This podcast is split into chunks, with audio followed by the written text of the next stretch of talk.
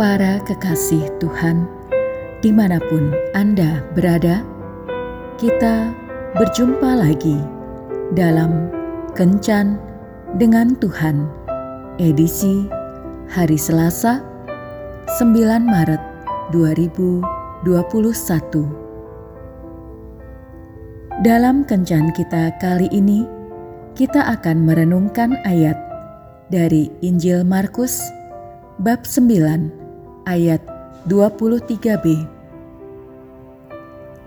Tidak ada yang mustahil bagi orang yang percaya. Bob Templeton tiba di Barrie, Ontario, tidak berapa lama sesudah angin topan melanda kota itu yang membunuh lusinan orang dan menimbulkan kerusakan senilai jutaan dolar. Bob yang merupakan presiden dari Telemedia Communications, mengadakan sebuah pertemuan dan bertanya kepada para eksekutif perusahaan,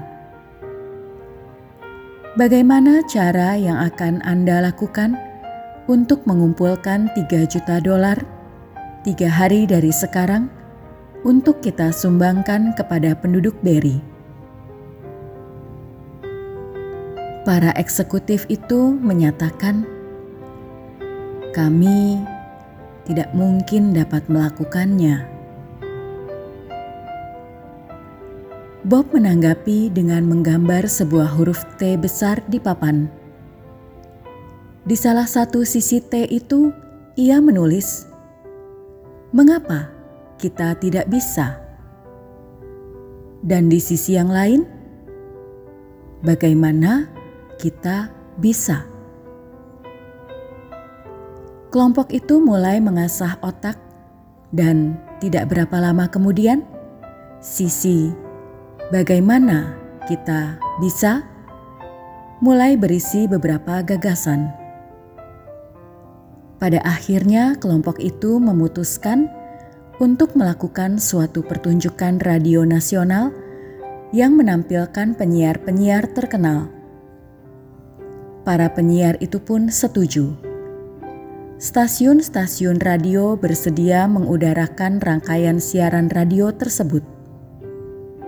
Dalam tiga hari, 50 stasiun di seluruh Kanada ikut serta dan 3 juta dolar disumbangkan oleh para pendengar radio.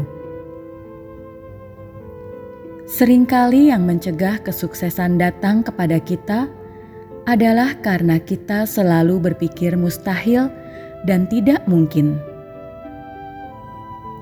Dua kata ini, yaitu "tidak mungkin", adalah racun yang sangat berbahaya bagi pikiran kita, karena tidak mungkin akan menutup pikiran kita terhadap berbagai macam peluang ataupun kesempatan yang sebenarnya tersedia bagi kita. Jadi, daripada memusatkan pikiran dan perhatian kita terhadap mengapa kita tidak bisa, adalah jauh lebih baik bagi kita bila kita selalu memusatkan pikiran dan perhatian kita terhadap bagaimana kita bisa